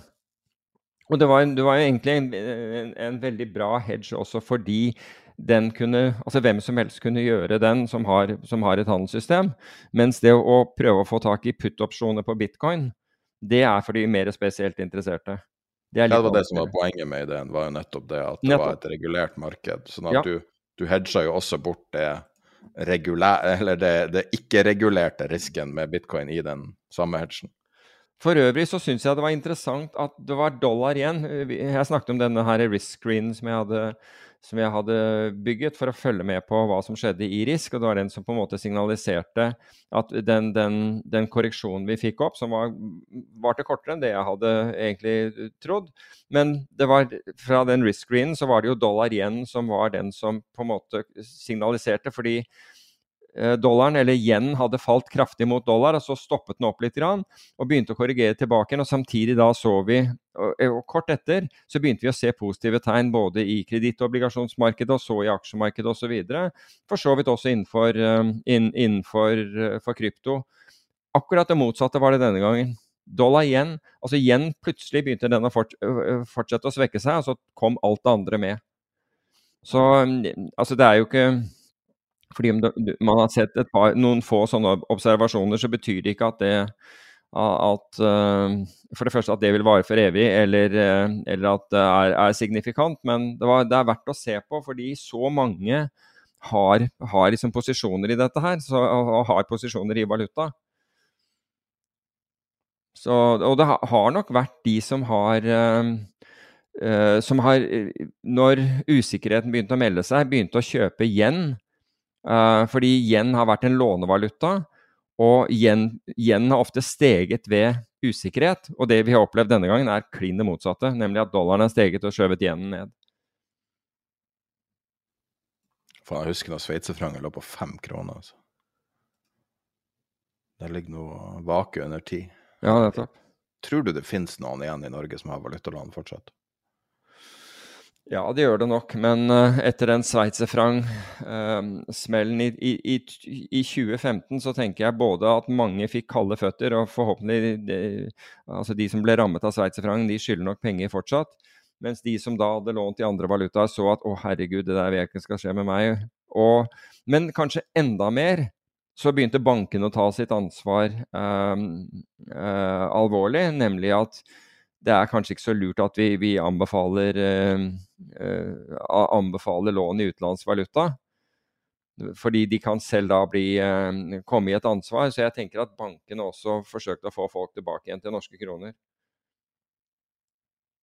Sånn kan være lurt. Så, men jeg, jeg, har sett på listen nå altså 12 av 22 norske hedgefond. Nå er ikke verken Handelsdalen med her eller, eh, eller uh, Hvilke andre var det vi snakket om her, da? Svelland, selvfølgelig. Um, de er ikke på den listen. Uh, men, uh, men, hvis, men, utenom dem så er 12 av 22 ned. Så med de der to så blir det 12 av 24 da vil det være 50-50. Halvparten av, av, de norske hedgefondene er ned på året. Og børsindeksen er omtrent null, vil jeg tro. Nå har jeg ikke sett den er kanskje gått i minus for året nå, da, med listen er ned så kraftig i dag. Men da er det helt marginalt. Hvis jeg sier en jobbtittel til deg, har du lyst til å gjette hva den personen får i, i utgangspunkt, altså base salary, altså utgangspunkt lønn uten bonus? Ja, OK. ja. Altså, Er det en finansiell jobbtittel, eller? Jeg bare sier jobbtittelen. Ja, kom igjen, da. Kvantitativ researcher. Ja, det, betal, altså, det betales jo godt. Er det, er det, i Norge, eller? Eller er, det, eller er det i USA, eller hvor er det? Altså, det, det betales godt. Muligens i Chicago. Ja, millionlønn. Altså, men ikke, ikke, i dollar, tror jeg. Det er, det er vel kanskje mye som basis Ja, kanskje. Hva hvis jeg sier at det er i Citadel? Ja, da betaler de betaler nok veldig godt for det. Det, det tror jeg nok. Men da, da, kan, da tipper jeg at basislønnen er over en million dollar. Er den, er den skyhøyt over, eller? 1,75 millioner dollar er base salary. Ja. Hvis du er, er, er litt overraskende at researcheren er så mye bedre betalt enn utvikleren. Hvis du er kvantitativ utvikler i Citadel, så er base salaryen din 325 000 dollar. Hvis du er strategisk arkitekt hva enn det er, så får du 300 000 dollar. Alle i Citadel. Hvis du er utvikler, vanlig utvikler i Citadel, så er det 285 000 dollar. Um, også et par andre sånn. Jeg bare fant en sånn oversikt over eh, startlønninger og, eh, og titler. Syns det var litt artig. Ja, så Det har jo vært veldig konkurranse om kvanter, og du kan si når det gjelder um ta, ta Citadel, Hvis du tar toppselskapene, sånn som Citadel, Jump, XTX, Virtue og, og, og, disse, så er det jo klart at de, de konkurrerer seg imellom. Og, og marginene er, er så små. At, Citadel skal jo lage en markedsplass sammen med Virtue. Ja, jeg så det. Ja, det men var ikke det en kryptomarkedsplass? Jo. Ja, akkurat. Um, jeg lurer på hvorfor det, egentlig. Altså, Det er jo for at de skal, de skal anvende liksom det, det, sin teknologi. Jeg blir jo litt nervøs når, når, disse her ikke skal lage sin egen, fordi det kan jo bety at man uteslutter annen konkurranse osv. Så, videre, så jeg vet Vil du ikke. høre deres eh, beskrivelse av hvorfor? Ja, kom igjen. The, this marketplace is intended to create more efficient access to deep pools of liquidity for digital assets. So, a group of industry leaders are working closely together to facilitate the safe, clean, compliant, and secure trading of digital assets. Samme kunne gjort altså FTX eller en av disse som har moderne teknologi. Det kunne gjort akkurat det samme der. Så jeg er litt sånn i tvil om hvorfor man Hvorfor de skal gjøre Altså når high frequency To av de største high frequency-traderne slår seg sammen om å lage en, eh, en, en børs, om du vil, så ville jeg jo være litt engstelig for, for, for utfallet av det. Jeg ville heller hatt en, en, en frittstående børs hvor disse har full adgang, disse og alle andre har full adgang, men gjennom, gjennom protokoller, enn at disse her skal lage sitt eget. Det, altså Hvis Gary Gensler er, er opptatt, for det var vel det du viste til i sted, med dette med flow, var det ikke det? Hvor det skal være forbudt å, å selge eller kjøpe flow. For det, det har jo altså Gary Gensler, som er da tidligere Goldman Sachs, nå sjef for amerikanske eh, finanstilsynet for derivater, som da eh, mener at type Robin Hood, altså hvor man, man selger flowen, at det skal man ikke gjøre fordi kundene får en dårligere, en dårligere pris for det. Altså Hele forutsetningen er jo at kundene skal få en bedre pris ved at du gjør det. Så det her må det jo enten være noe de ikke klarer å regulere. Jeg syns det er merkelig Altså, hvis du er, hvis du er marketmaker, så er du villig til å stille en, en aktør som har det vi kaller friendly flow, hvor du vet at dette er ikke noe som Nå kommer det ikke Altså, vedkommende ber om en pris for Oss si whatever det er i 200, for, for 200 millioner, da, eller et eller annet sånt. Du er, du er, og dette er, en, det, dette er en, en aktør som du har hatt mye med å gjøre, du har en relasjon med å gjøre, og du vet at de Det kommer ikke tre milliarder uh, bak det. altså Med andre ord at du bare får 200, og så smeller de til markedet. Eh, altså en, Det vi kaller friendly flow, det er fra, fra sånne som du kan stole på. Det er, ikke, det er ikke en player i markedet, det er ikke en som har tenkt å utnytte deg. De er du villig til å stille en mye smalere pris, eller i hvert fall en bedre pris, enn andre aktører, som du vet når og- det merket jeg jo selv da jeg var marketmaker. Det var jo når noen altså Vi visste jo ikke hvem vi stilte prisen til, med mindre de kom direkte til oss. Hvis de kom gjennom broker, så ville jo brokeren bare si kan du stille pris i, i, i, dette, for, for volumet er sånn.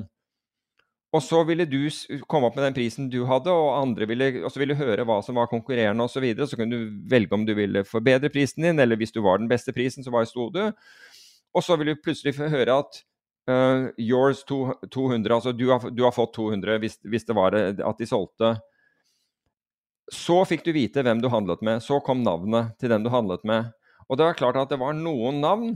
JP Morgan var en av Dette var før JP Morgan Chase slo, slo seg sammen, men da JP Morgan var bare JP Morgan, da visste du at du trengte å hedge fort. Hvis det kom i, i, i noen skandinaviske opsjoner på skandinaviske valutaer, da burde du ha Altså, da skjedde det ting. Og du, du kjente igjen, ikke sant. Noen var OK å ha med å gjøre, og andre, de bare dro til deg når de visste noe som ikke du visste. Og det å få, og for uh, for f.eks. high frequency market maker, å få friendly flow Det er veldig bra å ha friendly flow, for hvis den er der, så vet du at den er der. F.eks. hvis du vet at, eh, at det er noen som har en, vil, har en salgsordre, du vet at de er interessert i å selge på et eller annet nivå, så kan du stille priser rundt dette, fordi du kan hedge deg mot, mot, mot, denne, mot den kunden.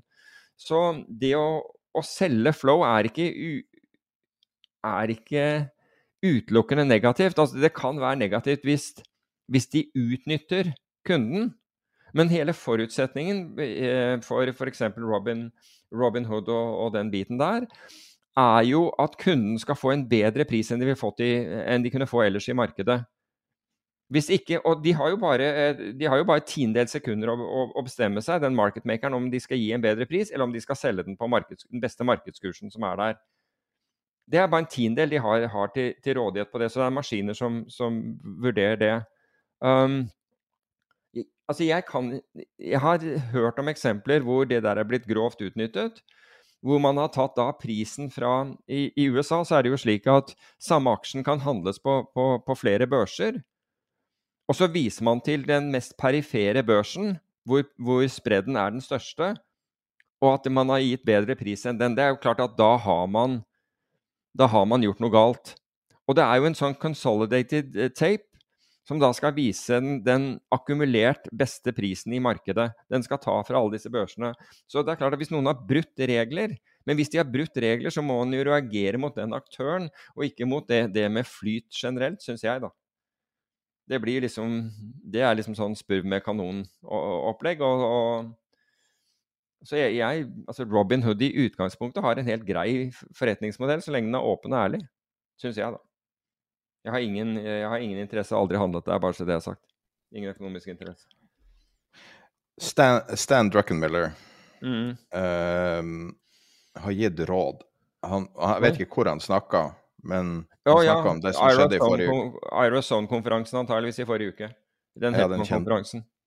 Og han ga noen råd. Skal jeg lese dem opp? Ja, kom igjen.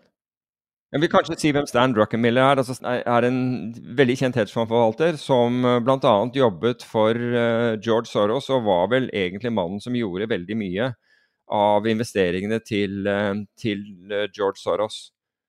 Han, i, I Kvantumfondet, som er, var hedgefondet til, til, til George Soros. Og så har han vel sitt eget eget hedgefond som heter Ducane, som er vel egentlig et family office, mer enn, et, uh, mer enn hvor man tar inn penger fra andre. Men han er en, ve en veldig velkjent uh, og an velansett uh, investor. Han hadde åtte punkter. Jeg tar det bare på engelsk, det er lettere enn å simultanoversette. Uh, on the bear market. My best guess is that we're six months into the bear market. For those tactical trading, it's possible that the first leg of that has ended, but I think it's highly, highly probable that the bear market has ways to run. Uh, når det gjaldt soft landing If you're predicting a soft landing, it's going against decades of history. Mm. On doing nothing. Currently, uh, I'm going in every day and I'm looking at my screen, but I'm pretty much taking a break. Uh, I lived through enough bear markets that if you get aggressive in a bear market on the short side, you can get your head ripped off in rallies. On the past few years of a bull run, uh, that, per- uh, that period was incredibly costly because of a lot of assets were purchased during that period that a lot of people moving out the risk curve will lose a lot of money on on owning bonds. While I'm not comfortable owning bonds, I'm much less comfortable being short fixed income to the degree I was three to six months ago. Hmm. Recession, special thing. Given the extent of uh, of the asset bubble and destruction in the markets, given given what's going on in Ukraine, given zero COVID policy in China, I don't take uh, a lot of comfort from that. So I assume, and pretty strongly, soon we're going to have a recession sometimes in 2023. Advice for new investors. Um, if you're not really pas- passionate, if you don't love this stuff, go do something else. I have guys who have IQs 50, 60 points higher than me who stink in my business. Learn all the asset categories and how they integrate. Det var det. Ja. Bare til den siste. Learn all the asset categories and how they integrate. Det er det motsatte rådet du får i Norge. fordi du skal bare ha aksjer og obligasjoner. Du skal sitte i ro uansett. Det er jo liksom det rådet som gis. Du skal bare ha maksimalt med dette og ikke bry deg om noe. Um, så det Men Druckenmiller er jo svært erfaren, så han er jo verdt å høre på. Mange som gjør det, i hvert fall. Ja. Og den Ira Song-konferansen, den, er jo, velkjent. Jeg tror til og med Jeg lurer på om ikke Even Berntsen presenterte der en gang. Ja, han som var, jobbet i eh, Som vi snakket om forrige gang, som eh, var eh, global head av om det var fixed income og commodities i JP Morgan, satt, i, satt på Manhattan, var han som uh, Espen Gaarder Haug da jobbet innunder. Så jeg, tror, jeg mener han var der en gang. Han startet jo et hedgefond etterpå. Og jeg mener at han også var på Arizona en gang. Men det er liksom Det skal være the, the real bitching dudes. Har du noe bullish, da? Altså, du kan si du, Det er jo bullish når ting blir billigere. Hvis du, hvis, du har, hvis du, har, cash, og du følte at du, du kom ikke med forrige gang fordi du syntes det var for mye galskap og alt gikk til himmels, så er jo dette bullers, det. Det er jo bare perspektiv. Men hvis du er lånt opp til pipa og sitter og venter på at Federal Reserve skal redde deg, så er det jo klart at uh, da kan du nok ha litt tunge dager, vil jeg tro. Det er store bevegelser, og, og rentemarkedet, altså i, i det minste uh, Volatiliteten på opsjoner i, i rentemarkedet, altså i, i amerikanske tiåringen, skvatt opp 1 denne, denne weekenden, altså eller fra, fra, fredag til mandag. Så det er greit å, å Altså, det som er, er at ting har vært veldig orderly til nå, til tross for at Altså, SMP på et tidspunkt var ned 20 uh, eh, Vi vet at de amerik uh, amerikanske statsobligasjoner med 20 års dur durasjon er, er, ned over 20% Du har kraftig oppgang innenfor, uh, innenfor fossil energiaksjer. Det er ganske store bevegelser som har vært, men vi har ikke hatt noe altså, Min opplevelse, og det, det baserer seg også på opsjonsprisingen, er at er at det har ikke vært noen total panikk. Og så så jeg at, um, at institusjonelle in investorer um, uttalte seg til Financial Times at det fins ikke likviditet. Altså top of book-likviditet er veldig dårlig, men det, vi, det, føler jeg at vi har snakket om i snart et år. Tror jeg vi har, vi har vært inne på det at at hvis du skal selge et betydelig volum altså Og det, det volumet er noe sånn som hva de sa, top of book er noe sånn som verdt to millioner dollar og mindre enn det. Så hvis du, hvis du da skal selge for 100 millioner dollar, så, så, må du et stykke ned i boka før du klarer å kvitte deg med det. Det tror jeg er, eh, er riktig. Uh, men vi, altså at sneballen liksom ruller nedover bakken, men vi har liksom ikke sett den virkelig ta fart. Og så får vi håpe at den ikke virkelig tar fart og liksom går over i, i, i fritt fall. At, men det betinger jo at folk har, har klart å redusere risikotagingen sin. At de har klart å dempe nettopp belåningen osv. Hvis de kjører på med samme belåning, så er jo det et faktum nå at assetene, altså det de har belånt, er mindre verdt. Og da begynner du å komme i en situasjon hvor hvor den långiver kan si at nå er, nå er det ikke nok margin mellom verdien på, eh, på, på aktivaene dine og lånet, så nå må du ut med mer penger. Og da begynner jo på en måte en sånn fort, en ond sirkel. Ikke minst den derre eh, som vi nevnte, han som fikk beskjed om å selge, og det var noen sånne min, tydeligvis mindre likvide aksjer. Og som ved å selge det Jeg får ikke engang solgt det som banken krever, før man toucher neste, neste, nivå som trigger at banken vil ha mer penger, og du må selge mer. Det er jo en veldig ubehagelig situasjon å være i. Hvordan hørte du den historien? For jeg tror han har klart å holde det hemmelig. Ja, altså jeg, jeg har hørt den fra to, to, forskjellige. Begge er markedsaktører. Ja, nei, for jeg tror det er hemmelig. Og det er jo bra for han. Vi kommer absolutt ikke til å Nei, vi skal ikke, vi skal ikke nevne det, men, men, jeg, men jeg håper, nevner det som Håper alle overlever elendigheter. Ja, ja. Jeg, jeg, nevner det som et eksempel på um, på, på, på, rett og slett anatomien i dette her. Og, og, saken er at hvis du går tilbake igjen til, til 2008, eller til 2000, eller til 98 og, og 97 og før det 87, så, altså, så opplevde vi jo at folk fikk denne, denne realitetsorienteringen. Da, da, opplevde, da var det ikke usedvanlig Da jeg satt i Finansbanken, og Finansbanken var den første banken i Norge som som finansierte, aksjer, finansierte eh, eh, aksjer, altså for, hvor investor fikk, fikk, lån på aksjer, slik at de kunne stille aksjer som sikkerhet. Og det var jo ikke uvanlig der at de fikk margin calls. Men nå, og det er delvis pga. kvantitative lettelser osv., så, videre, så er det blitt helt uvanlig at det skjer. Så folk er ikke vant til at de må selge seg ned og tenker at nei, det kommer bare opp igjen. Bare se forrige gang. Det var jo veldig dumt. Jeg, jeg solgte litt nedi der. Det viser jeg var bare vært tull, for det gikk til ny all time high rett etterpå.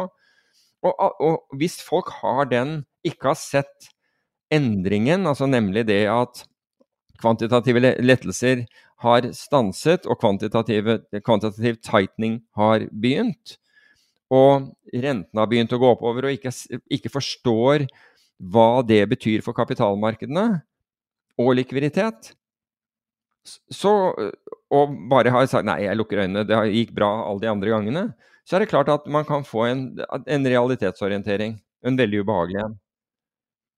Men man får håpe at folk har avpasset farten et, etter, etter, forholdene. Jeg er ikke sikker på at man har det. altså Når jeg hører enkelte kommentarer om hvor bull og, og folk er, og det er bare å kjøre på, så blir jeg jo litt sånn engstelig. Men jeg vet ikke om de representerer liksom, den store delen av, av, av kapitalen på noen måte. Jeg tror i hvert fall at uh, ditt ettermæle etter uh, vi spiller inn siste episode av denne podkasten og alt er ferdig, så tror jeg en av ettermælene er at dine advarsler har i hvert fall redda mange formuer på veien uh, før fallet. Det er det inntrykket jeg har for lyttere. Mange har endra strategi pga. dine råd. Ja, altså hvis man har kunnet bidra til, til at, at, folk ikke taper penger, så er jo det, det er vel, vel, vel, så viktig som tid er penger, for å si det, si det, på den måten. Og det har jo med at Det har jo bare med å avpasse farten etter forholdene. Og de aller, aller fleste vil intuitivt tenke at det er logisk og at det er det jeg skal gjøre. Men du har en hel næring som forteller deg at du skal ha flat pedal hele tiden. Det er, det, er det som på en måte er, er problemet. Og flat pedal har på en måte lønt seg så lenge så, så lenge sentralbankene eh, holdt, holdt hånd under deg. Men nå kreves det en litt annen, slik at portefølje burde være diversifisert og osv. Men tilbake til den langsiktige spareren.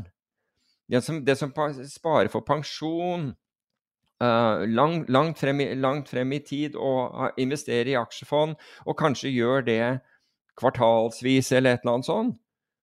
Helt greit. Helt greit, men da, da har du antageligvis ikke en, en kraftig belånt portefølje. Det er ikke de jeg snakker til. Jeg snakker ikke til de som er langsiktige sparere, for all del. Fortsett med det. Men det vi har sett, og det har jo næringen også skylden for, det er at man har blitt oppfordret til å liksom Indeksfond, f.eks. Nei, det er kjedelig, det skal man ikke ha. Se hva vi klarte de siste, hva vi klarte i fjor.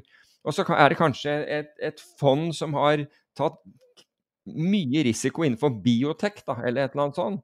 Som da har kanskje fantastiske resultater, og så kollapser biotek, og så er jo det over. Så hvis du skal liksom ta sånne lodd, så husk på at det er lodd, og det er helt greit å gjøre det. Men de blir ikke bedre enn den forvalteren. Og det er altfor lett til Altså, hvem var det som sa det, da? Jo, det var Espen Goiderhaug, faktisk, tror jeg, som, som sier det.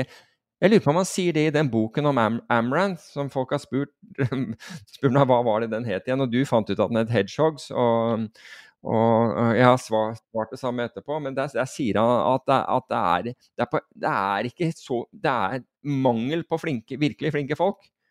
Det er altfor mange aktive forvaltere, men altfor få flinke. Og da liksom, blir resultatene veldig tilfeldige, eller de blir veldig volatile. Og blir det volatilt, så kan det bli volatilt til nedsiden. Og det har vi sett på noen av de, de, de genierklærte forvalterne på, på, på, på, Oslo Børs. Fantastiske perioder, så for så å ha noen forferdelige perioder. Altså Forskjellen mellom, mellom, det å ha fantastiske perioder og klare å ikke ha forferdelige perioder, er risk management. Men i long only-forvaltning så er det veldig lite risk management. Da, da, finner jeg ut at det, er veldig lite brukt. Men altså, så, lenge har, eh, så, lenge de ikke har, belåning, så er det jo i hvert fall ikke noe som, som, som gjør at, at, at, man imploderer. Men har man belåning i tillegg, så, så skal man virkelig være forsiktig. Du, eh, du eh, påpekte jo at det var en stor hendelse i, i, Formel 2 i helga. Men det var også en annen stor hendelse med en norsk idrettsutøver som har gått de fleste hus forbi. En inntil nå relativt ukjent crossfit-utøver som vant den kvinnelige semifinalen, eh, som er for eh, på en måte store deler av Europa. Var det hun Mai, eller var det Jacqueline Dahlstrøm. Å oh, nei, hun har ikke hørt om Så Hun kvalifiserte seg til CrossFit Games, som er en veldig big deal. Vi har jo hatt en uh, norsk idrettsutøver som uh, Norge kommer til å bli kjent med nå, med, som er med i 'Mesternes mester' nå, som har vært med jeg tror, åtte år eller noe sånt. Men hun har gått av med pensjon, og vips er det en ny i finalen. Hvem er, hvem er hun du sa som har gått av med pensjon, da? Eh, Kristin Holte. Ok. Vant, kom på andreplass et år. Oh, wow. Så jeg føler at jeg må hylle. Det er mange nordmenn som lykkes i verdensidretter om dagen. Altså. I, i dag har jo eh, har jo eh, Haaland eh, signert for Eller offisielt, på en måte, signert for City. Og, Hmm. Og du har eh, hva er det, verdenstreer eller noe sånt i golf og verdensfemmer i tennis. Og det er ganske Ja, det er helt rått. Det er helt rått. Hva, hva er det som har skjedd? Jeg vet ikke. Er det toppidrettsutdanninga i Norge som er så bra? Ja, noe har jo skjedd der, siden, siden et lite land, altså et land med litt over fem millioner mennesker, klarer å produsere så mye. Altså ikke bare innenfor vintersport, men nå innenfor tennis og golf, som du nevner, og, og crossfit. Det er jo helt fantastisk. Mm. Det er veldig bra. Er, Kanskje man har begynt å fokusere på vinneren. og sånn. Kanskje, er, kanskje den der eh, jantelovshistorikken er borte. At man har blitt Kanskje det, jeg vet ikke. Det er bare Jeg vet ikke. helt spekulert. Jeg vet ikke, Men, jeg tror det er hardt arbeid. i hvert fall. Det ligger i hvert fall ekstremt mye hardt arbeid bak de som, eh, de, de som lykkes. Ikke bare hardt, men også fokusert arbeid. Um, nei, man må bare Ja, jeg er imponert. Det er viktig å hylle vinnerne også. Absolutt. For det krever så ufattelig mye. Ja. Jeg er helt enig. Jeg er helt enig.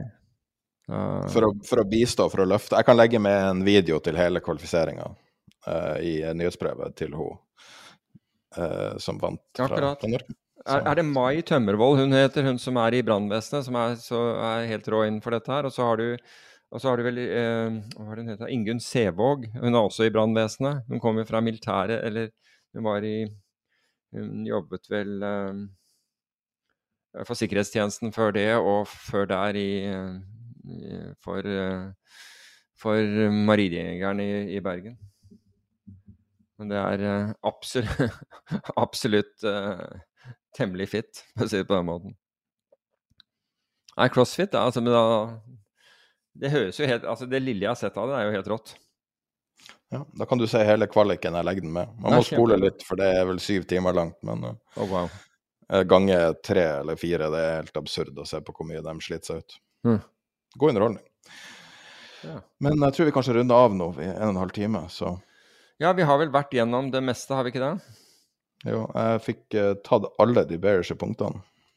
Det var faktisk ikke planlagt, det hørtes planlagt ut, men det bare dukka opp Ja. flere og flere. Men da er det bullish å, å se at det er enkelte av forvalterne som, som, som på en måte gjør det bra til tross for dette her. Og det er nå de står ut, ikke sant. Det er akkurat altså, i, i en periode hvor, alt, hvor alle tjener penger, så er det umulig å skille Clinton fra hveten. Men eh, Så det er i, i perioder som dette, så, så syns de.